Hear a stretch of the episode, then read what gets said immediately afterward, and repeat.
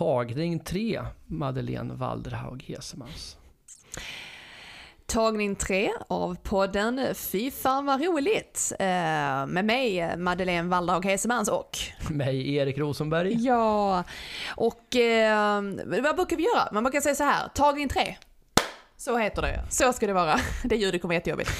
hade det inte varit roligare om man hade haft ett djur som gjorde ljudet, typ en anka, så quack, tagning fyra, quack, tagning fem, eller, eller, eller ett lamm så här, tagning fem, bä, och så kör man. Alltså det hade varit väldigt roligt. Jag tror att det som främst begränsar oss är att det inte finns i det program som vi klipper den här podden med, Audacity.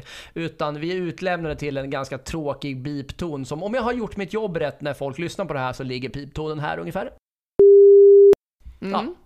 Eller så är det så att vi kanske inte hade, vi, vi fick inte med oss någon anka idag från dagens utflykt och vi fick inte med oss ett, ett lamm utifrån. Nej, du menar vi har bara burit hem det? Ja.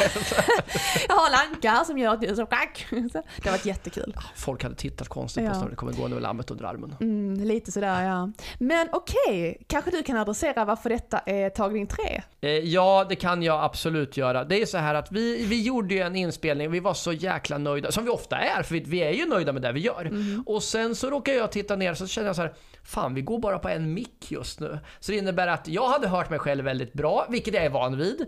Men jag tänker att vi ska höra dig också väldigt bra, vilket jag tycker väldigt mycket om. Men så var det inte, utan din mick var avstängd under hela inspelningen. Så jag hörde dig bra, men lyssnarna hade hört dig mycket sämre. Det var ett subtilt sätt att få mig att hålla käften va? Nej, alltså jag, jag mår väldigt, väldigt dåligt över det här. Men så det innebär att vi har gjort nästan hela avsnittet en gång tidigare. Så, så en del av de sakerna vi kommer att säga nu har vi sagt en gång tidigare. Men vi kommer kommer ju inte såklart inte avslöja vad vi har sagt en gång till och vad som blir spontant. För det är inte så att vi har ett rakt talmanus med exakt vad vi ska säga. Utan en del saker kommer att dyka upp som, som inte har sagts förr. Nej men det är en hel del bonus eh, ja. och improvisation. Det måste jag säga att det är så här. Och eh, det märkliga var att jag tyckte ändå att jag hörde mig. Jag pratade så pass högt att mitt ljud gled in i eh, din mick tyckte jag och lät Jag reagerar inte ens på det. Nej men så är det nog. Bägge två har ju ganska bra, bra tryck i våra röster och vi sitter ju inte jättelångt ifrån varandra. Nej, så är det. Men jag tänker så här Madeleine, det kan inte vara så att det där avsnittet någon gång kanske, det avsnittet som finns där man ändå hör vad du säger. Mm. Det kan bli, bli, bli, så att det landar på vår Patreon någon gång. Mm. Förr eller senare. Mm. Som ett ex blodexklusivt material. Ja, hur man tystar en kvinna. Ouch. det här, oh. det här kommer jag roasta dig för för evigt. Oh, ja, det får, nej, jag får leva med det. Ja, ja. Puss. Det är bä på det helt enkelt. En lång bä. Ja. Nej men nu även har jag på tråden, det här är alltså podden Fy fan vad roligt och då kan du pitcha det. Mm, Fy fan vad roligt är alltså en nördpodd av oss två som sagt var. Vi släpper ett avsnitt varannan vecka. Vi är eh, inga humorexperter. Alltså jag tycker att du är lite av en humorexpert men det får jag återkomma till sen. Eh, men vi är två, vi är två geeks och fans. Eh, nördpodd inom film, eh, serier, tv, scen och radio. Där vi då pratar om humor i de här grejerna. Vi gör nedslag i humorhistorien och analyserar saker som vi tycker är roliga. Vi recenserar inte, vi är inget filmkrönikan i poddversion utan vi, vi bryter ner allting, crunchar det, vi kastar in saker som vi tycker är saker, saker som vi tycker att läsarna, eller lyssnarna borde veta om. Vi tycker saker som lyssnarna kanske aldrig förstått att de borde veta utan som bara vi tycker tycker är roligt. Och nej, som, som bara vi har tyckt var roligt från början, som vi hoppas att alla tycker är kul. Och så vidare. Men just därför så är det ingen, ingen recensionspodd, utan det är en, en någon sorts analys och eh, reportage vet jag inte, men en nördpodd helt enkelt. Vi stannar där. Mm. Ja, men när vi ändå har oss på tråden då. Eh, den här podden görs av mig, Madeleine Wallhag Hesemans, och dig? Mm, Erik Rosenberg. Och vem är du? Vem är jag du? är en före detta innehållsskapare, alltså content producer som det så fint heter i det här moderna medielandskapet. Där jag har skapat framförallt ett redaktionellt textinnehåll, men även gjort en hel del poddar i spelvärlden. Och inte då spel som är datorspel eller Monopol, Alfapet, utan som är spel som är trav, poker poker sportsbetting har gjort poddar. Och nu så gör jag poddar så här hobbymässigt. Eh, tillsammans med dig här. Och eh, så poddande kan jag. Humor kan jag i form av att jag tittar en del på humor, men jag har liksom inte jobbat så mycket med det själv. Utan jag är en aspirerande rookie-komiker. Jag har stått på scen ett, ett par dussin gånger. Det är det ungefär. Men, men du är ju betydligt mer rutinerad på den punkten. Ja men där kompletterar vi varandra eh, lite bättre. Jag var glad att vi kunde ta om det här eh, då, att micken inte var igång för jag glömde vad ordet komplettera hette förra, förra gången. Men vi kompletterar varandra. Jag har gjort eh, humor i olika former i snart tio år men detta är min första podd.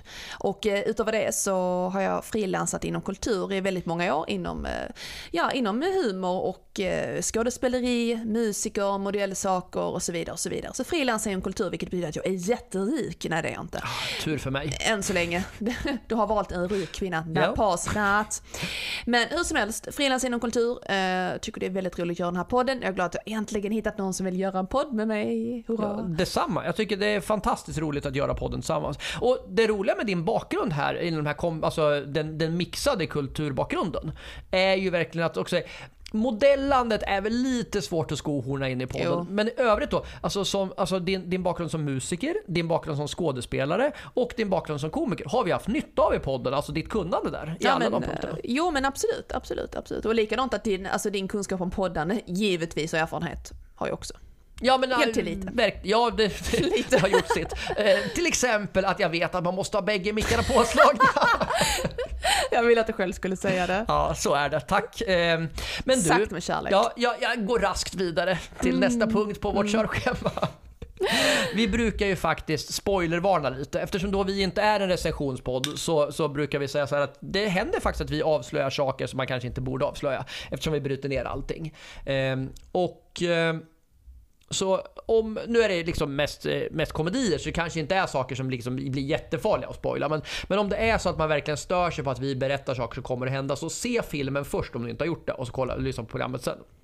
Men det kan vara så att man tycker att det är kul att lyssna på programmet och sen så bara så här, ja men det här låter intressant, den här filmen vill jag se. Så man tar det i vilken ordning man vill. Men vi spoilervarnar redan här. Eh, den här gången så kommer det att, att du ska strax berätta vad, vi har för ämne. Och den filmen kommer vi spoila lite grejer från. Det är det ungefär. Men det vi brukar göra också, vi brukar ju pitcha våra sociala medier allra sist. Men det ska vi göra tvärtom nu. Så jag tycker vi kör igång direkt så här för att göra det väldigt kort och koncist. Här kommer var ni kan hitta oss på sociala medier. Vi har Facebook, där har vi en Facebookgrupp som heter Fy fan vad roligt, diskussionsgruppen. Vi har en Facebook-sida som heter Fy fan vad roligt. Vi har en Insta-sida som heter Fy fan vad roligt. Eh, vi har Twitter under våra namn. Eh, och vi har Clubhouse där vi har eh, några samtal eh, några, någon gång i veckan så här, där alla får komma till tal så vi har lite mysigt och så här.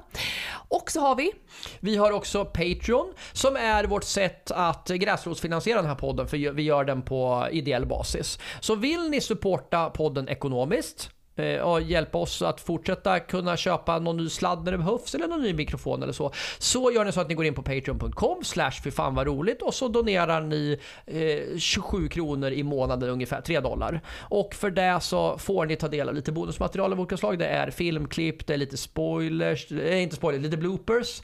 Det är lite behind the scenes när vi sminkar oss på våra livestreamar som vi gör ibland. Eh, ja, men lite roliga grejer. Ibland så kan det vara någon, någon text om någonting vi har skrivit, något foto här och där och en del bonusmaterial från inspelningarna. mm, man får lära känna oss lite bättre, behind the scenes, eh, komma in liksom bakom mikrofonen höll jag på att säga. Men det blir liksom en annan, man får en annan bild av oss helt enkelt. En positiv, en positiv sån. Ja men det vill jag väl säga. Vi, vi pratar lite mer om, om oss själva och eh, kanske lite mer om saker som inte bara är just humorgrejer och så. Nej men exakt, exakt. Men då tycker jag vi går raskt vidare till och eh, då får äran att presentera dagens ämne som är en film som heter School of Rock. Och den blev släppt den 3 oktober 2003, min 15-årsdag. Hurra! Eh, så så gammal är den filmen. Ja, och eh, det är några år sedan och eftersom man inte pratar om en kvinnas ålder så, så tänker jag inte exa- exakt säga hur många år sedan det är. och vad är då School of Rock? Jag drar en kort pitch på den. Eh, School of Rock handlar om Dewey Finn som spelas av eh, Jack Black. Vi återkommer till honom. Dewey är en talangfull men ganska slackig eh, hobbymusiker som bor med sin vän Ned och Neds flickvän Patty. Du spelar i ett rockband, eh, får sparken från det här bandet och lurar till sig ett vikariejobb som egentligen skulle ha gått till Ned. Eh, när du får reda på att barnen som han undervisar är musikaliska så ser han sin chans att styra in dem på rockmusik istället för att få spela i tävlingen The Battle of the Bands. Och med de prispengarna ska han kunna betala hyran till Ned och Patty. Det är egentligen storyn sin grund. Han bildar då bandet med barnen och bandet döps till School of Rock. Det, de gör det i hemlighet, ställer upp i Battle of the Bands och det blir en så här lycklig story där de då överbevisar folk som inte har trott på dem. det är det. Det ska också sägas att det finns två School of Rock-filmer. Eller rättare sagt så här, det finns i alla fall en tanke om två School of Rock-filmer. Det finns en utgiven 2003. Det finns en som påbörjades 2008 som aldrig blev klar. Dessutom finns det en tv-serie som gjordes under åren 2016 till 2018 som baserades på den första filmen. Den har även gått på Broadway, eh, filmen, alltså inte tv-serien. Och eh, gjordes av den legendariske Andrew Lloyd Webber som alltid har en plats i mitt hjärta eftersom han har gjort min favoritmusikal Jesus Christ Superstar. Oh, ja. Så är det. Flott. Ja. Och då, vem är det som har gjort filmen då? Jo, eh, manuset är gjort av Mike White som själv är med i filmen också. Han har även gjort eh, Pitch Perfect 3, The Emoji Movie, Pasadena, Orange County, Nollor och Nördar, Dawson's Creek etc. etc. Och regisserat, vem Mm. är det? Regissören heter Richard Linklater. Det är väl kanske inga household-namn för folk som inte är så speciellt filmintresserade. Richard Linklater är en självlärd regissör som inte har någon utbildning. Han har medverkat i filmer, eller medverkat som, som regissör på filmen Apollo 10,5, School of Rock såklart och tv-serierna School of Rock också. Eh, han har gjort Destiny Confused, Slacker och Boyhood. Speciellt Boyhood tycker jag att det är värt att ta någon minut och prata om.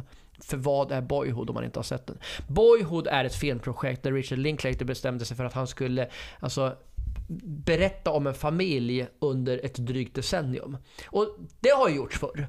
Men det som Richard Linklater gör är att han verkligen filmar en familj, alltså en, en, inte, inte en dokumentär, utan en spelfilm om en familj under ett drygt decennium. Under 12 år så följer han den här hopsatta familjen. Pappan spelas av Ethan Hawke, mamman av nu är det pinsamt nog att jag aldrig håller reda på. Det är en av Arquette-systrarna i alla fall. Patricia Arquette. Tack. Jag blandar alltid ihop om det är Patricia eller Rosanna. Men det är Patricia Arquette som spelar mamman då. Och det är så snyggt framförallt med barnen eftersom de då växer upp under filmens gång. Det här är helt magiskt. Vad tycker du om konceptet? Alltså det är ju otroligt häftigt. Jag har ju inte sett den då för jag ser ju typ sällan saker helt men otroligt häftigt. Vilket tålamod. Alltså följa människor. Jag har bara sagt så, ah, men nu är ungen för fan 12, nu räcker det. Alltså ta in en annan. Det är så häftigt. Vilket tålamod och vilken alltså, ambition. Det är Ja. helt otroligt. Alltså det är helt, helt galet då. Och eh, Richard Linklater skrev ju både manus och regi till Boyhood. Han fick tre Oscarsnomineringar för den. Välförtjänt. Alltså, ja, verkligen. Så han har fått fem totalt. Så att han är ju verkligen en väldigt, väldigt hyllad eh, regissör. Han har även gjort den omtalade dokumentären Fast Food Nation om den amerikanska skräpmatskulturen kulturen. Och den här filmen då, eh, det visar sig så här att hur den kom till. Eh, Mike Whites första idé till filmen, den kom faktiskt när han flyttade in till eh, lägenheten bredvid Jack Black. Och han såg ju ofta Black springa runt naken i korridorerna i huset och hörde honom då spela hårdrock. Känns Som inte man gör. Ja men lite, som man gör, men känns det inte lite Jack Black att springa naken? Det Jo, det gör det. Utan att känna honom personligen så känns det verkligen, Ah. man blir inte förvånad. Nej men det, det är väl lite han på något sätt sådär. Det är väl lite som att Per Andersson alltid är naken. I TV så är liksom Jack Black liksom amerikanska nakenheten där. Eh, och Mike Whites idé kom också av filmen, det var inspirerat av ett skolprojekt de hade för. Det heter The Langley Schools Music Project och det är ett projekt där skolbarnen sjunger låtar av till exempel Sir Paul McCartney, The Beach Boys, eh, David Bowie och detta pågick under åren 1976-1977. Eh, och White själv, han tycker inte om klassisk rock sådär men han skrev med det i filmen eftersom det var Blacks eh, genre liksom. Vad kännetecknar då School of Rock? Ja, men vi har pratat om det så här, det är en musikal. Och den musikal i den aspekten som jag tycker om musikal egentligen, nu talar jag emot mig själv eftersom jag då älskar Jesus Christ Superstar. Och Grease. Och Grease, alltså Grease har alltid en plats i mitt hjärta. Alltså första filmen som vi ägde i familjen hade vi Grease på en inspelad kassett.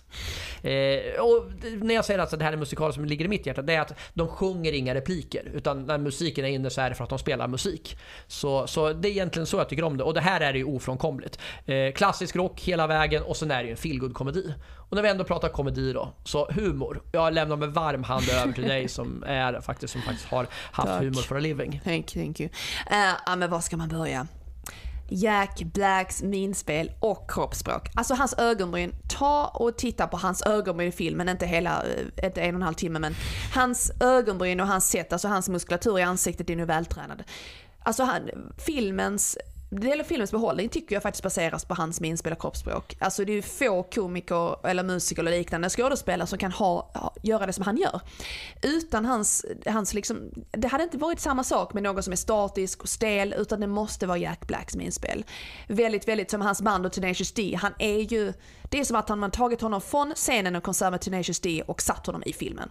Han kompromissar ingenting kör hårt. Lite för over the top ibland, för vad jag i mitt tycke ärligt talat, men det funkar ju och det ska vara roligt för barnen i filmen ska bli roade. Eh, sen har vi ju en del förväxlingshumor eh, och det handlar ju om att Black försöker vara någon annan. Han försöker ju vara eh, Mike White eller Mr Schnibbly som hans roll heter. Eh, det ligger också en del humor i att barnen är ju väldigt lillgamla. Eh, och det är ju lite så, det blir en del missförstånd och grejer när eh, Jack Black då, Ned Dewey Finn då, försöker prata med dem. Att det blir väldigt, det blir många situationer som blir extra roliga på det sättet.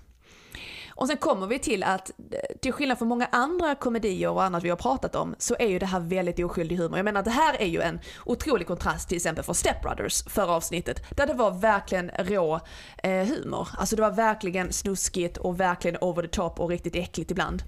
Här är det oskyldig humor. Det är liksom, eh, alltså det finns, ju, det finns ju ett väldigt grovt skämt, pedofilskämt, som vi ska prata om senare. Och det ligger ju väldigt snyggt maskerat och därför blir det extra roligt i kontrasten. Eh, och för att avrunda det här med humor, det, det är ju ingen film som man ligger dubbelvikt och eh, skrattar på golvet. Utan det är ju, det är ingen skratta högt film, det är som du sa tidigare en feelgood film. Man tycker det är mysigt, man skrattar liksom, mm, det är roligt och så här, och man tycker om det. Man blir glad av den. Som sagt en feelgood film. Men som sagt, det är ju inga gapskratt den bjuder på. Nej, men jag håller med. Men, men som du säger, man mår bra helt enkelt. Mm.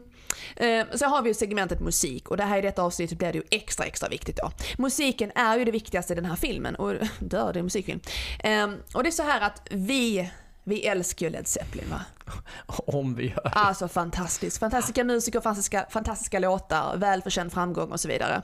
Och det tyckte tydligen Jack Black också, eller tycker då. Och eh, i en scen i filmen så har de ju låten Immigrant Song med som är också en av våra favoriter, eller hur? Ja men det håller jag med om. Alltså, jag måste bara få göra en avstickare. Alltså, yes. Om, alltså vi älskar Robert Plant som sångare mm. och har han någonsin varit bättre än när han skriker i början av Immigrant Song och när han trycker i där. Alltså vilken jävla röst. Helt fantastiskt. Fint, fint hår hade han också. Ja, Lite off topic men det har han fortfarande. Men eh, hur som helst, den här låten är med i filmen och eh, tydligen är det ju inte så att eh, man kan då använda låtar hur man vill. Så att det var lite svårt det här. Så Jack Black gjorde så här att han fick ta till lite annorlunda metod för att få med låten. Han spelade alltså in sig själv, han sjöng den framför en publik och så skickade den till Led Zeppelin och så bad han åh snälla får jag använda låten och ja, då han fick såklart, annars hade de inte varit med. Lite annorlunda. Eh, annars har de haft lite assisterande människor då har med att ta fram filmmusiken i detta. Eh, Craig Wedren, eh, Shudder to Think, Jim O'Rourke från Senate Youth och Liam Lynch. Som har jobbat även med Tenacious D på olika sätt. Mm. Och det är ju så här att Mike White och Jack Black har faktiskt skrivit de allra flesta låtarna i filmen. Det kan man ju säga. Um, till exempel eh, allt från Math is a wonderful thing, som är en ganska enkel, simpel låt för barnen, till den här sista låten, vad heter den nu igen? Ja men det är den Rock Out No Reason, Rock Out No Rhyme. Ja men precis som han mm. Zack, eh, barnet, har skrivit då. Och jag tycker det är fantastiskt, jag tycker det är en bra låt. Ja men det är en jättebra rocklåt. Mm. Faktiskt, på riktigt. Det, det är snyggt, verkligen. Mm. Och sen så har de ju med massor av klassiska riff genom låtarna då för att bryta mellan scenerna.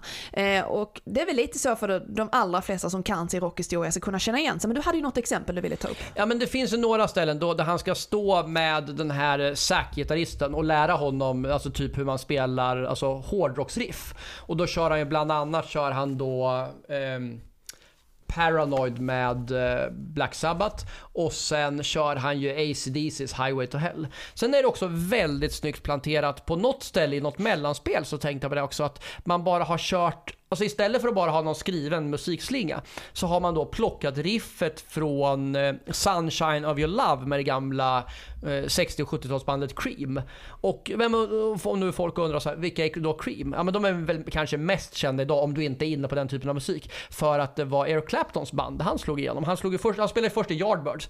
Där för övrigt även, nu ska vi se så jag tror att jag har rätt här. Där för övrigt även Jimmy Page började sin karriär. Jag tror inte oh. att de var gitarrister samtidigt. Mm. Men tror att Clapton också började där. Men sen spelade han i Cream. Mm. Så det är Sunshine of, Sunshine of your love. Coolt. Så är det. Och Um, men det är väl så här att alla de här låtarna då, att Jack Black skrev ju många av de här låtarna på, alltså på sätt under inspelningen i klassrummet. Så bara, ja men vi ska ha med den här låten. Och så skrev han så att den kreativa processen att göra låtarna var liksom under, under filmen. Vilket var väldigt häftigt. Eh, och Randall Poster, som var eh, musikalisk rådgivare för filmen, har ju sagt att Richard Linklater efterfrågade hård och snabb rock snarare än traditionell filmmusik.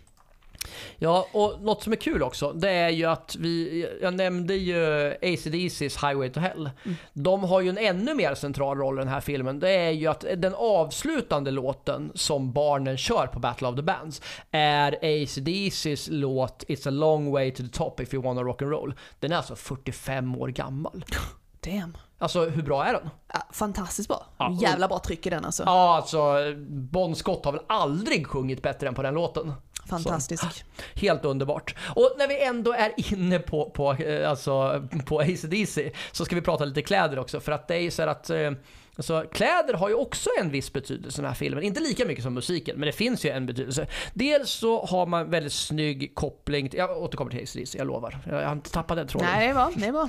Nej, men man använder ju kläderna för att visa alltså, karaktärernas personligheter. Till exempel så har vi June Cusack som har en ganska tillknäppt roll. Eh, men hon får då alltså, ha väldigt strikta kläder. Eh, Jack Black är ju en mer så här rockig och liksom fri och lite slarvig personlighet. Han, hans kostymer sitter illa, slipsen är konst, alltså dåligt knuten och så vidare och så vidare.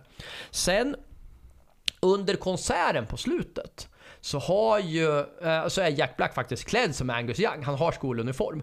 Och de andra barnen i, eller barnen i bandet har ju också fått kläder som, du, i alla fall du och jag, jag vet inte om vi bara inbillar oss, jag tror inte det. Men du och jag tycker att det finns riktiga kopplingar till en del riktiga ikoner i rock och pophistorien. Vilka Ja. har vi hittat till exempel? Ja, men Madonna till exempel, Cyndi Mm. Lauper. Slash, alltså den klassiska hatten på Zack när han spelar Mhm. gitarr. Och sen har vi ju, tycker jag, att pianisten, så, Lawrence heter han va? Eh, har ju, eh, alltså tycker jag, tydliga drag av en ung Elton John i klädstilen. Ja men absolut, kanske bara håret som inte stämmer men själva kläderna och alltså den här capen han har och glas, alltså allting. Mycket Rocketman över det där va? Ja men absolut, jag tycker det är, det är otroligt fint och gulligt gjort och det hänger ihop lite med det här att eh, Jack Black gör ju liksom den här eh, torra, strama skolan till en liksom lite rockskola. Och då har han i olika segment där han eh, lär dem lite musikhistoria och rockhistoria. Och kläderna har väl också en del av det att de gick ifrån väldigt strikta uniformer till att börja med att till exempel eh, en av karaktärerna kavlar upp ärmarna, har lite punkigt hår och går emot liksom the man, eller rektorn, sådär, Johan Cusack. Till att senare, som du sa, det här att vi eh, har gjort kopplingar till att det är Madonna, Cyndi Lauper och andra ikoner som de har blivit. Så barnen har blivit transformerade och vågat liksom uttrycka sin egen vilja att gå utanför boxen. Vi kommer att prata om det här senare också i programmet, i, eh, i avsnittet. Men, så jag tycker det är häftigt att se transformationen. Ja, men jag håller med och jag tycker att både vad gäller kläderna och musiken och alltså eh, mycket i små replikskiften som vi också kommer att återkomma till så är det någonting, alltså när vi pratar om så här, vad kännetecknar filmen? Alltså kärleken till rockens historia. Ja. Om något verkligen, så absolut. Ehm, Ett en, en sektion, en fast sektion i den här podden som jag tycker väldigt mycket om, det är connection till våra tidigare avsnitt. Jag vet att du också gillar det här. Oh, ja. Det är väldigt kul. Och jag börjar väl kanske ta favorit-connection som vi nästan alltid återkommer till när vi kan. Saturday Night Live. Vi har Sarah Silverman eh, som är ju en, en komisk ikon. Hon har gjort väldigt mycket. Eh, hon har också spel, skådespelat i en annan film som vi har pratat om, Den där Mary. Och när vi ändå är inne på SNL så Joan Cusack var med i SNL 1985 till 1986. Alltid, alltid SNL vi återkommer till. Absolut. Eh, och så är det så här att eh, där är en scen där de är i klassrummet och ska lura rektorn att de är kvar, men egentligen är de och spelar Battle of the Bands audition då. Eh, och det visar sig då att de har riggat så att de låtsas som har en lektion. Och där lär de sig om Columbus skepp. Det var, ja, jag, lite, Columbus. jag blir lite osäker på när du ska säga detta. Och då säger de där vilka de tre skeppen är. The Nina, The Pinta, The Santa Maria. Och här är kopplingen. I förra avsnittet Step Brothers har de gjort en fantastisk låt som heter Boats and Hoes som också ligger oss varmt om hjärtat. Inte lika varmt som Led Zeppelin, men you get point. Och där är faktiskt en av texterna The Nina, The Pinta och The Santa Maria. Ja, det är fantastiskt. Ah, jag bara tänkte så, shit, när vi såg School of Rock, jag bara, vänta här nu, stopp, stopp, det här är ju för fan, det är ju Boats and Hoes. Absolut. Det det ska också sägas att eh, Boats and Hoes eh, spelades in fem år efter School of Rock. Så det kan ju vara, alltså, nu tror inte jag det, men det kan ju tänka sig att de kanske fick in en som tänkte, det här kanske är en, det kanske är en eh, låt. Mm. Eller så är det ett sammanträffande, men det finns inte. Slumpen existerar inte. Hatar slumpen. Nej, det finns inte. Eh, övrigt är ju att eh, det är ju en musikfilm som Blues Brothers till exempel eh, och musiken såklart är i fokus. Och det avslutas med en konsert, en musiktävling också. Absolut. Ja. Där faktiskt huvudrollsbandet förlorar kan vi väl också eh, avslöja egentligen. Ja men kan vi Eh, säga, mot ett band som kanske är musikaliskt bättre. Ja, absolut. Eh, de är musiker i filmen, likt Step Brothers också som i förra avsnittet, där de är trummis och sångare. Och i Blues Brothers där alla är musiker. De nämner, nämner Led Zeppelin i Step Brothers till exempel, och hur då? Ja men det är ju så att det finns ju en scen, det här kan ni lyssna på i vårt gamla avsnitt, men det finns ju en scen där John Bon, nej inte John Bonham utan Will C. Riley eh, John C. Reilly. Ja, alltså, det märks, alltså, jag ska säga så här, vi är ett insikt, klockan är halv fem på morgonen. Är det, och det, det känns. Men, alltså, han är ju väldigt, väldigt trött på Alltså, shit för jag börjar komma bort mig här. Vi ska inte klippa bort det här. Jag ska göra ett nytt försök, jag börjar om här. Ja. Eh, Will Ferrell, alltså jag kan inte ens säga hans namn rätt här. Will Ferrell är väldigt trött på John C. Reilly och säger att nu ska jag gå och punga ditt trumset. Han ska släpa pungen över trumsetet. Som man gör. Som man gör när man är arg på folk. Det kan hända den bästa. Och då drar du med liknelsen till John Bonham, trummisen i Led Zeppelins Magnum Opus eh, Moby Dick och gör en väldigt rolig grej av Dick där. Så, så är det. Och en annan lite av, från- pung och dick till då Eric Clapton. Helt. Jag vet inte vad det här händer. Men då är det så att Eric Clapton är ju med eh, indirekt som du sa tidigare med det här gitarriffet. Och eh, det är ju han som spelar gitarriffet i filmen. Och han är ju även med i Blues Brothers, eh, där, eh, andra filmer där han har, den, han har en replik som han levererar ett kast. Så är det. ja, väldigt roligt. Men när vi ändå pratar om vilka som är med. Mm. Ja, men vi kör direkt in på skådespelare tycker jag innan vi tramsar bort det helt. Eh, vi har ju huvudrollsinnehavaren Jack Black som spelar Joey Finn då. Eh, och, men behöver han presentera Black? Jo, vi gör. Alltså han har gjort massor av filmroller. Eh, han har ju, är ju med i bandet Tenacious D. Eh, och han är en av världens mest kända komiker och skådespelare. Och han är ju, ex, alltså, han är ju en extremt duktig och respekterad rockmusiker. Alltså hans sångröst. Ja, den är alltså magisk. Den som man skulle kunna kapa av sig högerarmen för att, för att få ha. Alltså. Och eh, han skulle kunna konkurrera ut de flesta, alltså mer, ett, alltså mer klassiska rockmusiker. Och jag tror faktiskt, jag tror inte folk i gemen kanske förstår hur jäkla bra han är. För att han gömmer det bakom, som jag kan känna sig ibland, att han tramsar. Nu är det lite hårt att säga att han tramsar med tanke på att han är en av världens mest kända komiker. Och jag har gjort bland annat den här filmen som jag tycker är underbar. Mm. Han har ju faktiskt kommit på det nu att han har ju faktiskt gjort en film med bland annat Cameron Diaz och Kate Winslet och Jude Law som heter The Holiday. Och Okej. där, där har han ju faktiskt en väldigt seriös roll. Eller seriös och seriös, den är ju romantisk komedi men Ja. den är inte så tramsig. Nej, jag förstår. Så. Men och vill man se hur bra Jack Black är så liksom googla Jack Black Metallica eller Jack Black Foo Fighters så får ni se honom när han faktiskt går in och gästar och verkligen eh, lirar arslet av folk. Han är ju, så förutom som du sa en, en sjukt bra sångare så kan han ju faktiskt spela gitarr på riktigt. Eh, vi har ju bandet som han blir kickad av, eh, No Vacancy. Som ska sägas är bandet som School of Rock möter då i finalen i Battle of the Bands. Där vi har Adam Pascal som spelar eh, Lead, han spelar väl lead guitar där då. Eh, som är då musikalskådis framförallt från Broadway. Har spelat i musikalen Rent. Lucas Papaelias tror jag det uttalas, basisten. Också musikalskådis från Broadway. Har också en halvstor roll i HBO sjukhusserien The Nick. Chris Stack är trummisen. Han har ju mest, är väl mest känd som såpaskådis i One Life to Live som har gått i 43 jävla år i USA. Wow. Ja, det är helt, helt stört. Och så eh, vill jag ju gärna ta eh, och press, prata om Sarah Silverman som inte behöver någon, hon har ju varit med, om, alltså varit med tidigare och vi pratat om också men det är ju Spela Neds tjej eh, och eh, hon är ju världsberömd komiker. Eh, egen podd, allt möjligt sådär. Sen har vi då Mike White som vi tar tidigare och han har ju gjort filmen då. Men han, alltså han, han spelar ju då Ned Schneebly då, eh, det riktiga Ned Schneebly och Schneebly. Och alltså vad tycker vi om hans insatser i skådespel? Alltså, den är ju inte svinbra. Mm. Men jag tänker också så här, Quentin Tarantino skriver in, har ju skrivit in sig själv bland annat i Pulp Fiction.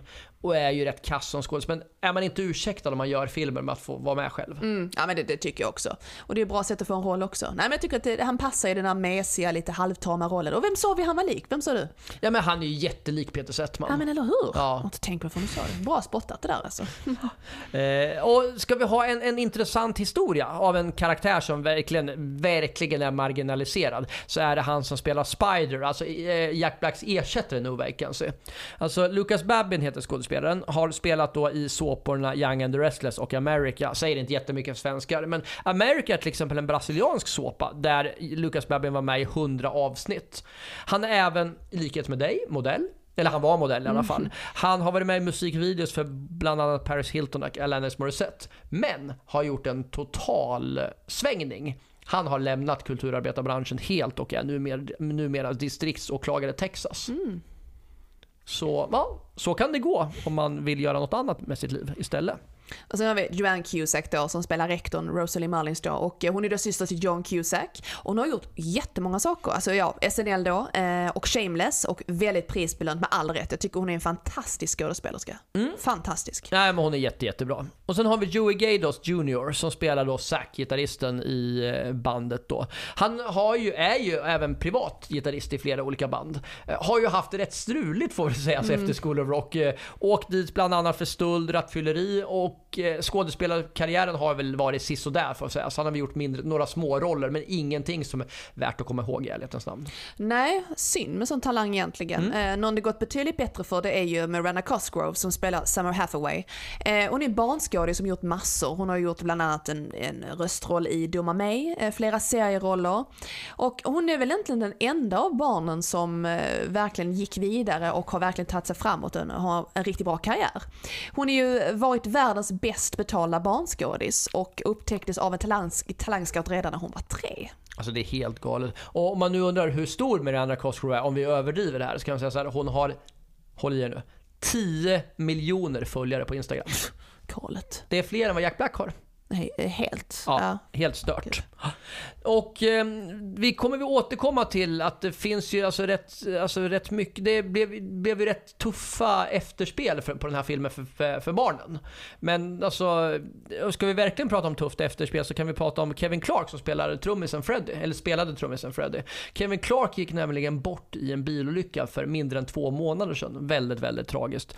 Eh, och han, det här är den enda rollen han har gjort egentligen. Sen var han trummis i lite lokala band också. Eh, och det ska också sägas att i samband med att han gick bort så efter det så gjorde ju bland annat Jack Black väldigt fina inlägg på, på sociala medier där han då hyllade Freddie som en, eller Freddy, förlåt det var ju hans roll då, Kevin Clark. Som en, ja men kändes som en sympatisk kille. Sådär verkligen. Och, och går man tillbaka, det är inte bara, alltså det är lätt att vara, alltså, vara fin mot de som har gått bort. Men det finns ju en del alltså, bilder som de har lagt upp från reunion och sånt här som verkligen visar att han var omtyckt av de andra. Mm, absolut, och han var ju en eh, fantastiskt talangfull trummis eh, och sådär. Och eh, som du sa, spelade i liksom lokalkända band och så här. Och väldigt älskad och omtyckt och verkligen tragiskt och alldeles för tidigt. Eh, väldigt, väldigt hemskt skulle jag säga. Så att, eh, tack för din insats Kevin Clark. får Ja men säga. verkligen. Ja. Eh, och vi kommer till nästa, nästa inslag i podden som jag tycker väldigt mycket om. Det är det här med cameos. Och det är ändå lite intressant. Vi pratar om Jack Blacks eh, eh, Jack Blacks alltså, connection till rockbranschen. Han känner ju typ alla. Men i det här, alltså, han har inte gjort det så lätt för sig som man skulle kunna tänka sig att han har bjudit in folk. Utan det är ju nästan inga cameos i den här. Vi har ju garagerockbandet The Mooney Suzuki som inte, är- alltså de är ju inte jättestora, det ska sägas. Men de kör lite statistgrejer. Och varför gör de det då? Jo, för att de är med och spelar. Alltså det är bandet som spelar alltså musiken på soundtracket. Så, så spelar de väldigt mycket, mycket låtar. Sen finns det två mindre kända amerikanska band. Det ena är metalcore-bandet Poison the Well och det andra är hardcore-bandet Candiria. Som är statister under tävlingen Battle of the Bands.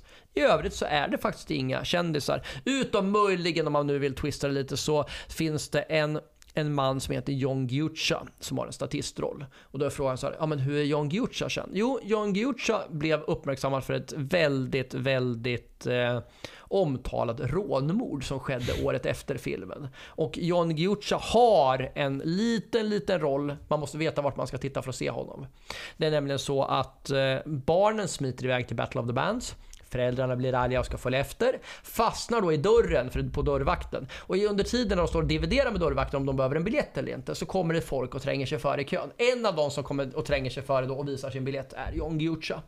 Så han är med i 3-4 sekunder. Och är, har man inte en konstig känsla när man ser honom bara vet att den här killen har mördat någon? ja, och sen när man väl tittar på honom och tänker så, Jo fan, ser han inte ut som en mördare? nej, usch vad hemskt. Men, nej men det är någonting, man blir ju lite så färgad av det, av det hela liksom. Att man vet, nu vet man vad han, vad han har gjort. Mm. Men det väl ganska otippat. Alltså, det är klart att alla är olika livsöden, men det är bara lite så, det känns lite konstigt att se det och veta det. Ja det är det, och tittar man på det så i ärlighetens namn, det är en helt vanlig random vit, vit amerikansk kille helt det är enkelt. de som är det värsta. Och eh, ska vi prata lite om, alltså lite trivia från filmerna då Madeleine? Ja, det tycker jag. Mm. Alltså det första vi kan prata om det är ju att de här barnen i filmen är ju hämtade, tror jag, lite skarv gissning så här. Jag tror att man letar efter ett barn som faktiskt kan spela ordentligt och sjunga. Och det har ju konsekvensen av det är att de, de har inte riktigt samma ålder. De ska spela 10 år gamla i serien. Men urvalet är ju barn som är 10 till 15 år helt enkelt. Och jag tycker att man kommer undan med det. Det känns inte konstigt. Nej men precis, men det, känns ju väldigt naturligt att de, är, de ser ut att vara liksom i samma ålder på något sätt då. Eh, på tal om barnen, liksom, eh, vi pratade innan om Rana Cosgrove då, eh, Summer, hennes karaktär där. Att hon är ju faktiskt egentligen väldigt bra på att sjunga givetvis då, men för att sjunga dåligt så fick hon faktiskt ta lektioner för det. Eh, så hon fick alltså en 45 minuter lång eh, bad sing lesson för att sjunga låten Memories av Andrew Lloyd Webber riktigt dåligt i de scenerna och jag tycker hon lyckas sjunga dåligt. Ja men det gör hon. Hon låter ju som ett barn som sjunger hellre än bra. Det är charmigt verkligen. Trovärdigt. Verkligen. Ja, så ska det vara, så ska det vara liksom. Eh, men det är så här att alla barnen, de spelar faktiskt sina instrument själva och de sjunger själva, vilket jag tycker det är bra. För att det hade varit konstigt att ha massa barn som är med som är sådär skådisar och så kan de inte sjunga och spela utan de är utvalda på grund av sina talanger också. Alla har sitt instrument eller sång. Men det är ju så här även att Jack Black kan spela de mesta saker själv, men han gör inga gitarrsolon själv, men han sjunger själv. Ja, och alltså, vi kan väl spontant bara gissa att det är Demoni Suzukis gitarrist som, som gör gitarrsolorna. Jag är inte hundra på det, men det skulle jag tro. Låter rimligt ändå. En väldigt rolig detalj här, det är att när, när de kastade barnen så var det faktiskt några föräldrar som faktiskt uttryckte vissa farhågor för att Jack Black skulle ha dåligt inflytande över deras barn. Alltså en, en rockmusiker slash kiss och bajskomiker var väl det kanske deras fördom om honom då. Men ja, det kom, på, det kom på skam och vi kommer att återkomma till det. En annan rolig detalj det är att Richard Linklater faktiskt sa nej till det här projektet. Han var ju väldigt, väldigt tveksam till att göra en komedi och fick väl låta sig övertalas. Och eh, enligt uppgift så ska väl ett av villkoren han hade var att barnen faktiskt skulle spela själva. Jo, ja men, ja, men det stämmer, det stämmer. Det, och det tycker jag är väldigt, är väldigt bra krav då. Som ja, sagt det tycker egentligen. jag, Ja. verkligen. Eh, det finns ju en scen också, det här, scenen tycker jag är väldigt bra om. Det är ju att eh, Jack Black håller upp en bild på deras gamla rockband då, som Ned Schneebly också var med i då och försöker övertala honom att vi, vi kör igen liksom. Han vill inte ge upp sin musikdröm, vilket är fint. Eh, och det roliga är att det är alltså, de visar väldigt tydligt tre uppsminkade personer på den här bilden och det är faktiskt Jack Black, Mike White och Richard Linklater. Så Ja. de har smugit in honom där. Jättesnyggt. Är det en cameo? Kan vi säga det? Ja, det tycker jag vi kan. Han kan gå under Ja. som faktiskt. Eh, en annan, eh, en väldigt, väldigt intressant scen som man tänker att ah, men det här är bara en random scen. Det handlar om när eh, Jack Black säger att eh, han blir ombedd att sälja en av sina elgitarrer bara för att betala hyra då, som Sarah Silverman säger till honom. Och då säger ju Jack Black så här, men vadå, skulle Picasso sälja en av sina gitarrer eller? Varav först han blev idiotförklarad. Men när vi kollar i detta och varför han säger detta. Det är så här att Picasso hade faktiskt en period där han skapade gitarrer som konstverk och hade utställningar. Jag tror det var mellan 1912 1914 sådär. Eh, någon som kan sin verkliga konsthistoria får verkligen rätta oss där, men mellan 1912 och 1914. Så att han har ju inte fel i det han säger, men de har ju smugit in den här kunskapen så jäkla snyggt. Jag hade ju ingen alltså jag, kommer inte, jag har ju läst konsthistoria men jag kommer inte ihåg det här. Alltså jag tycker det är genialt. Sånt där älskar jag i filmer. Alltså det finns ju ingenting som, som alltså det finns ju inget behov av att skriva in den. Men ser man det så är det sånt jävla snygg, snygg blinkning. Alltså smart verkligen. Ehm, och när vi pratar om att Richard Linklater var tveksam till det här projektet så är det väldigt kul. När han väl var på projektet, då var Black tveksam till att vara med i en Linklater-film. Eftersom då han hade sett Dazed and Confused och Slacker och tänkt så här, och Jack Black tänkte så här, det där är inte min typ av humor, eller min typ av filmer. Men de, de fattar väl tycke för varandra och det, det var väl bra. Jag tror det. Eh, och jag har funderat länge på så här, liksom, var är filmen inspelad? Och den skulle egentligen spelats in i Austin, Texas. Men eh, Scott Rudin då, han fick faktiskt inspelningen flyttad till New York. Och jag, jag har ingen aning om varför faktiskt, men eh, New York it is helt enkelt. Så det är väl omgivning där. Ja, och det är väl svårt att säga om det blir bättre eller sämre, men filmen är ju Mm, bra. Det är mm. inget snack om saken. Och när vi pratar om det här med att föräldrarna då var tveksamma till, till Jack Black, så de, det var ju verkligen att de fick sina farhågor på skam. För Jack Black tog ju verkligen hand om de här barnen mellan tagningarna och inspelningarna. Och han, han lekte med dem och spelade spel och alltså, de blev ju verkligen bra kompisar. Och här måste vi väl också göra ett litet instick och prata om School of Rock Reunion. Mm, det måste vi. Fantastiskt. Det Alltså, ja. googla det. För då kan ni verkligen, bland annat de gör eh, för övrigt en liten detalj, en underbar version av It's a long way to the top if you wanna rock and roll. Men där ser man ju verkligen hur, alltså, hur mycket de gillar varandra tycker jag. Alltså kemin mellan Jack Black och eh, resten av casten lyser igenom. Och det här är ändå tio år efter att de spelade in filmen. Mm, det märks ju liksom att det var ett minne för livet som verkligen förändrat deras liv. Såklart, så, så det blev, filmen blev ju en succé, eller är en succé. Eh, och det är så kul att se också hur de har åldrats och vuxit upp. Man bara, åh, vad gulligt. Ja men jättefint verkligen. Alltså det, det är väldigt, väldigt snyggt. Och Mm. eh, det ska väl också sägas att eh, Alltså på tal om den här kopplingen så tycker jag man har lanserat det väldigt fint i filmen för att Jack Blacks karaktär, han må vara en fake som lärare och han må vara dålig på lärarmetodik men däremot så är han ju väldigt fin på att lära barnen alltså viktiga värderingar och verkligen få dem att tro på sig själva och pusha dem. Mm, Så, absolut. ja. ja. men, eh, vi, vi återkommer till det sen också, att vi har ju liksom eh, det har vi tänkt på en hel del, Mm. måste jag säga. Ja. Verkligen. Men det är så att de fick ju ta om flera scener då eftersom pianisten då, eh, Robert Sy, eh, Lawrence rollen då, eller mini-Elton John som vi kan kalla honom, han, han kunde inte hålla sig för skratt helt enkelt. Och jag tänker så här att är det därför han har ganska få repliker liksom. Men, eh, så det var ju därför de fick ta om scenerna mest på grund av honom, vilket är lite, lite synd om honom egentligen. Ja men det är gulligt tycker jag. Mm. Eh, något som är väldigt snyggt det är ju när filmen börjar då, hur man kör introt och hur man visar liksom titeln på filmen och så. Då f- liksom följer man med när de panorerar lite som en handkamera och när de går in på en rockklubb och sen på, alltså börjar på något ställe på en backpatch på en kille och sen så kommer man till en poster på väggen och det står så här film by och så vidare och så vidare och så står det School of Rock. Så väldigt, väldigt snyggt planerat. Ja men jag tycker det är väldigt estetiskt tilltalande så det ska man gärna hålla utkik, utkik efter också.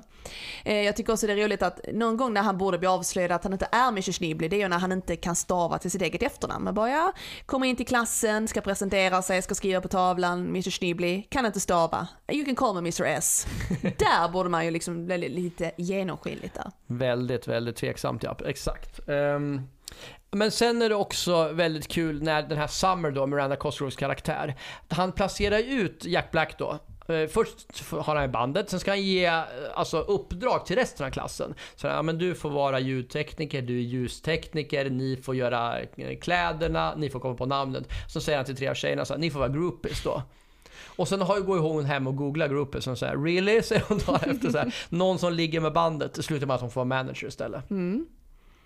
Eh, och vi lovordade ju innan, eller du lovordade eh, Jack Black innan, eller karaktären för att Joey Finn för att vara väldigt, eh, ja vad ska man säga, eh, väldigt bra med barn såklart som han är och han är väldigt mjuk och han lär barnen värderingar och så vidare. Men ärligt talat, han är ju en, han är ju en mytoman utav dess like. Han liksom tutar i sina lärarkollegor att han har liksom eh, gjort audition till en filharmonisk orkester och olika, att han varit och, eh, ja, att han är utbildad i olika eh, annorlunda eh, alltså utlärningsmetoder, lärarmetoder. Ingenting är ju sant, alltså det är ju bara bullshit alltihopa. Och det är ju för att såklart täcka sin lögn på vem han är, men han gör det så otroligt bra. Han är ju en hel mytoman utav dess like. Han ljuger fantastiskt bra. ja men det gör han. Mm. Alltså någonting som jag tycker väldigt, väldigt mycket om med den här podden, det är att vi faktiskt själva inte bara lär våra lyssnare saker, utan vi lär oss själva saker när vi söker. Och till det hör till exempel hur man uttalar vissa namn. Och då är det inte så här att, alltså jag är ju notoriskt dålig på, på uttal. Men det finns ju också alltså, vissa klassiska namn som alla uttalar fel skulle jag vilja säga. Och nu menar inte jag alla som är alla, utan merparten. Till exempel Will Ferrell. Som faktiskt heter då Will Ferrell och inte Ferrell som vi lärde oss när vi eh, gjorde eh, alltså researchen till Night at Roxbury. Men en annat, ett annat namn det är den ikoniske rocktrummisen från eh, Rush, Neil Peart. Som jag i alla tider i alla fall har kallat Neil Peart. Som faktiskt även eh, Jack Black kallar för Neil Peart i hela filmen. Men vi har fått, under vår research fått lära oss att han heter Neil Peart och inget annat. Så är det. Sen måste vi verkligen prata om Ramones. Alltså, det är ju ett av mina absoluta favoritband genom tiderna, om inte the favoritband. Alltså jag har till och med tatuerat 1, 2, 3, 4 efter deras alltså väldigt klassiska intro-rop. Eh, de spelar, alltså dels så finns Ramones med på flera planscher, dels så spelas ju låten Bonzo Goes to Bitburg, vilket kanske är alltså min favoritlåt med mitt favoritband. Det är en jättebra låt. Ja, underbart. också, ja. Väldigt snygg. Alltså, allting med hela melodin och texten. Och, alltså, en av få gånger som faktiskt Ramones är riktigt politiska också. Det handlar ju om att eh, de inte tycker att Ronald Reagan skulle flirta med, med nazismen eller gamla naziminnen. Mm. Så, så så är det. Och eh, med det sagt så ska vi prata lite, faktiska scener från filmen. Ja, absolut. Lite roliga scener. Ja. Till exempel att han, eh, han quotar ju faktiskt uh, Whitney Houston när han pratar med sina lärarkollegor då, Jack Black. Alltså som vi sa innan, han vill ju väl egentligen och vill liksom bli omtyckt och liksom verkligen eh, smälta in. Men alltså han, han måste ju fejka en del och det, det är så roligt för när han ska imponera så quotar han ju då låten The greatest love of all. Att han liksom I believe the children are a future. Och till slut är den lärarna bara Isn't that a song? Han bara No. Så här, så han fejkar verkligen. Det är så himla roligt att han verkligen pitchar hela halva låten liksom. Jätteroligt. Det är det. Eh, något annat som är väldigt kul, det är precis i den absoluta inledningen av filmen så ska Jack Black göra ett stage dive som går åt skogen. Och det där har ju han plockat från en, e-, alltså en egen erfarenhet för att han såg ett stage dive med eh, alltså rockmusikern Ian Ashbury, sångare i The Cult, som då skulle göra samma sak och verkligen landa rätt i golvet och det gör Jack Black i filmen. Det ska väl också sägas att han revanscherar sig sen. Han avslutar filmen med att göra ett perfekt stage dive. Mm-hmm. Och sen är det liksom, det är ju en väldigt oskyldig film, oskyldig humor, men det är ju en, eh, när barnen och eh, Jack Black nästan blir avslöjade att de håller på att öva musik och inte gör matte och annat som man ska göra. Så kommer ju rektorn in, eh, Joanne Cusack då, och frågar liksom vad som händer. Eh, och då säger hon att eh, en annan lärare som har hört att ja, men det hörs musik från er klassrum, vad är det ni håller på med egentligen? Och då säger Jack Black till en väldigt tyst barngrupp, oh oh, you know what children, That teacher must be on crack. Och jag liksom säger det till barn som kanske inte fattar referensen och en helt random sak att säga på en sån här prep school. Det blir liksom, kontrasten är fantastiskt rolig. Det är, liksom, det är bara han som tycker liksom, fattar alltså, det är ingen som tycker det är roligt förutom han. Jag tycker det är jätteroligt. Ja men det är klockrent är det. Eh, och du mm, pratade lite om pedofilskämtet. Det faktiska pedofilskämtet är ju då när lärarna ställer Jack Black mot väggen och han säger så här, men, alltså det här är fantastiska barn, säger han. I've been touched by your children and I'm pretty sure I touched them too, säger han. Och så tystnaden som uppstår.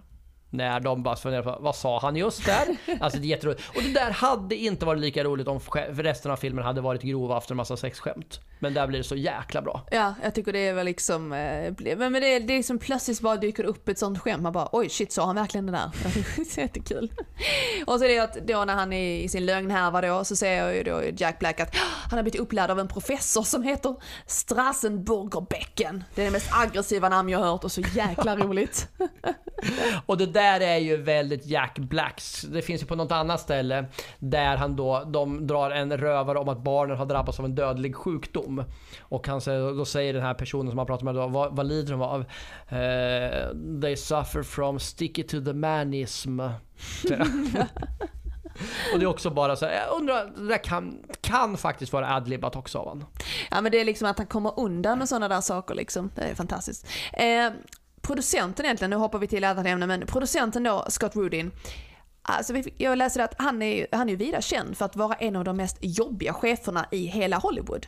Med ett jäkla temperament. Och han har blivit kallad Hollywoods främsta asshole och the most feared man in town. Fan vad jag vill att alltså, alltså, västeråsarna ska kalla mig för the most feared man in Du, town. det är liksom, nej du är för snäll för det där. Ja, jag vet. Alltså, Västerås främsta asshole. För, för mesig kanske. Nej, det vet jag inte. Malmö skulle jag säga att det kanske jag, jag vet inte. Ja, men alltså, du pratade tidigare om att man hade flyttat inspelningsplatsen. Alltså från Texas till eh, där det tänkt vara från början till New York. Men själva skolan är eh, faktiskt The Main Hall Wagner, Wagner College på Staten Island. Det är där, det, alltså där man har gjort interiörerna då. Mm. Eh, vi var ju inne lite innan också på det här med, du var inne på det här med karaktären med Dewey Finn då. Att han är en väldigt bra lärare, det är han ju. Eh, men som du sa innan också att barnen lär, lär sig Black att tänka själva och han stöttar dem. Eh, till exempel är det ju där eh, han pratar om mobbning och att man inte ska ta skit, vilket är helt riktigt. Och man önskar ju faktiskt att lärare faktiskt hade varit betydligt bättre på det under uppväxten och se när saker händer och lära barnen att det är helt okej okay att man måste stå upp för sig själv och säga ifrån när det, man blir nedtryckt. För det är en otroligt viktig del av livet att lära sig det. Så jag tycker att på det sättet är han en fantastisk lärare. Han tar hand om barnen, han ser vad de behöver. Och han uppmuntrar dem att våga stå för, upp för sig själva som sagt och skapa en självkänsla. Att ni är grymma musiker och ni är fantastiska barn och det är det han säger då med lite märklig formulering då till sin, deras föräldrar senare liksom. Jag tycker att han är en eh, fantastisk lärare. Om en, som vi sa, manipulativ så är det andra sidan av myntet att han är fantastiskt talangfull musiker men bra lärare tycker jag. Ja, mot barnen så är han ju klanderfri skulle jag säga. Mm. Verkligen. Så. Nej, jag, jag, tycker det är en eh, behållning av filmen om man ser om det. Att man märker liksom hur varm och mjuk han är mot barnen. Mm. Och hur barnkär han är liksom. Eh, sen har vi ett segment som heter Hur har humorn, har humorn åldrats? Och hur har humorn åldrats? Har den åldrats bra eller dåligt? Och jag skulle vilja säga att humorn har åldrats väldigt bra. Eh, alltså Alltså det finns ju ingenting som är jättestötande och kanske pedofilskämtet om man nu ska vara väldigt, väldigt känslig ärligt talat. Men det är ju liksom få sexskämt, det är liksom inget sådär metoo-aktigt. Det är ju, alltså det är till och med en scen, alltså där eh, då basisten Katie då försöker övertyga trummisen då Kevin, eh, alltså Freddie heter ju rollen egentligen, men det är Kevin Clark då. Eh, att visst finns till exempel bra kvinnliga trummisar som ja, Sheila White i The White Stripes till exempel då. Och troligen är ju du en peak till att det ju, det finns ju tyvärr många som hävdar att det inte finns några bra kvinnliga trummisar, att det finns fler bra manliga trummisar. Eh, och eh, det får man ju ha sitt eget tycke i sig själv, men det är ju, de, de flesta världsberömda grupperna är, består ju oftast av män som har manlig trummis. Så att det, är liksom, det blir väldigt svårt att göra någon urval av det här men poängen är ju att de försöker motverka den här fördomen. Att hon har ju lärt sig detta av Jack Black i filmen tydligen. Att, ja men, ja. ja men så, så, är det och alltså, det där har vi återkommit till. Vi har ju diskuterat det så mycket. Alltså, i, alltså, vi har ju varit ganska kritiska mot Hollywood. Att det fortfarande är så lång väg kvar till att det ska vara liksom jämställt mm. i Hollywood. Och alltså, rockbranschen är väl ingen skillnad egentligen heller. Manligt, manligt, manligt hela vägen. Ja men absolut, absolut. Och därför tycker jag det var en skön motpol att de hade den här diskussionen för att det ligger ett, alltså det är ju inte bara det här att oj de har en liten kontrovers som tycker olika, det ligger ett, ett djup bakom det. Eh, en annan sak som var väldigt, väldigt intressant och hemsk att läsa om när vi gjorde research, det var ju att enligt skådespelaren då eh, som spelade Katie, namnet har tjo, eh, fallit ur just nu, så blev alla barnen väldigt sexualiserade vilket ledde uppenbarligen till mental ohälsa och olika missbruk. Och eh, skådespelerskan då som spelar Katie berättar att de hade alltså vuxna manliga stalkers och galna fans och Katie är ju, eller rollen eh, skådespelerskan är ju idag genderneutral och vill inte bli refererad till något kön, han eller hon och så vidare. Och det är ju helt okej, det får man välja själv. Det jag reagerar på det var ju att bli alltså sexualiserad ur en barnfilm. Vad är det för jävla skit, ärligt talat? Ja, men jag håller med, och det är helt obegripligt. Alltså, tittar man på filmen så varje person som är, alltså, ens någorlunda normalt funtad ska inte kunna hitta någon som helst sexuell dragning på något av de där barnen. Det finns inget sexuellt i deras approacher. Alltså, man har, alltså, de är barn, punkt. Mm. Det, alltså, det finns inga män här. De är barn, punkt. Mm. Alltså, om du sexualiserar de här barnen så är du alltså antingen sjuk eller dum i huvudet eller bägge två. Alltså, ja, ja. ja. Eh, alltså det var faktiskt helt horribelt att läsa. Jag, jag, nej, jag har inte heller, det är ju helt förståeligt att det är kanske, det är många av barnen, de allra flesta förutom Miranda Cosgrove har ju, har ju faktiskt slutat med det här och återgått till så kallat med såna här eh, kaninöron, fingrar, vanliga yrken mm. och helt lämnat det här efteråt. Det kan vi inte svara på om det är på grund av det här men det är ju, jag tycker det är anmärkningsvärt att liksom en film som riktar sig med, som otroligt tema med barn ska utstå det här. Man bara, som du sa tidigare, det är ju, ingen, det är ju ingenting som är sexuellt, tvärtom liksom. Ja men precis, och det är liksom det, det är som bitter eftersmak på liksom en fin film och de verkar ha fått liksom en bra, alltså barnen verkar själva inspelningsdelen verkar alla väldigt glada för. Alla dyker upp på liksom reunionen, det verkar vara en bra sammanhållning och liksom alltså verkligen få, få den här kopplingen till Jack Black som verkligen verkar liksom ha, ha tagit dem under sina vingar. Och så få det efterspelet, det känns så väldigt tragiskt på något sätt, väldigt mm. svart. Det säger väl en eh, del om vissa människor helt enkelt. Uh, gemene friska människor har väl uppenbarligen inte den kopplingen så men Nej men det var ju en, som du sa, en, nack, eller en väldigt mörk del av den här filmhistorien som jag hade ingen aning om från researchen. Nej, inte jag heller. Man vill ju inte veta det egentligen, men nu tyvärr vet ni det. Men eh, som sagt, det är ju en feelgood film och så ska det få bli egentligen, utan att svärta ner eh. För filmen i sig är jävligt bra. Det är liksom, hur folk reagerar kan man ju aldrig liksom kontrollera, men Nej men verkligen, och det, som jag, jag håller med dig, väldigt bra. Så väldigt sevärd och mysig film. Mm, absolut, och eh, jag tycker att den ska förbli så i eh, minnet helt enkelt. Det är ju liksom en film som man vill se eh, när man vill må bra eller må bättre. Man blir glad av den. Ja, och jag vill väl också slå ett slag för, alltså nu gillar ju både du och jag rockmusik. Men jag tycker verkligen inte, man behöver inte tycka om rockmusik för att tycka att det är en bra film. Nej absolut inte, det är ju så många behållningar i den här Ja. filmen. Nu, nu recenserar vi ju ingen recensionspodd så, men man skulle ändå kunna rekommendera i att man, man mår bättre helt enkelt. Det är inte så att man sitter och behöver sitta och tänka och fundera på saker och det är liksom inte science fiction utan det är mysigt och glatt. Ja. Och lite så här, vi brukar inte ha något så här, det här kan du, alltså om vi nu fortsätter så här, så här, det är en film man kan se för alla åldrar. Vill du se den med din liksom, med mamma eller mormor eller med barnen så tycker jag verkligen att det är en film för alla åldrar. Som, som håller. Helt enig. Jag tycker att eh, vi har nu tömt ut det mesta ämnet. Nu är det liksom, jag tycker det känns som är snyggt att avrunda nu. Ja men jag tycker också. Och vet du vad? Nej, Vi fick ju ihop ett avsnitt till, fast vi blåste det första. ropa inte hej, vi är inte klara än. Nej, vi har inte hört outputen, men, men Ja. om, om folk hör oss säga det här, då har vi fått ihop ett avsnitt till. Precis, och det är liksom halleluja, skitbra. Och klockan är liksom fem på morgonen. Så är det. Galet. Solen går upp här i Västerås nu.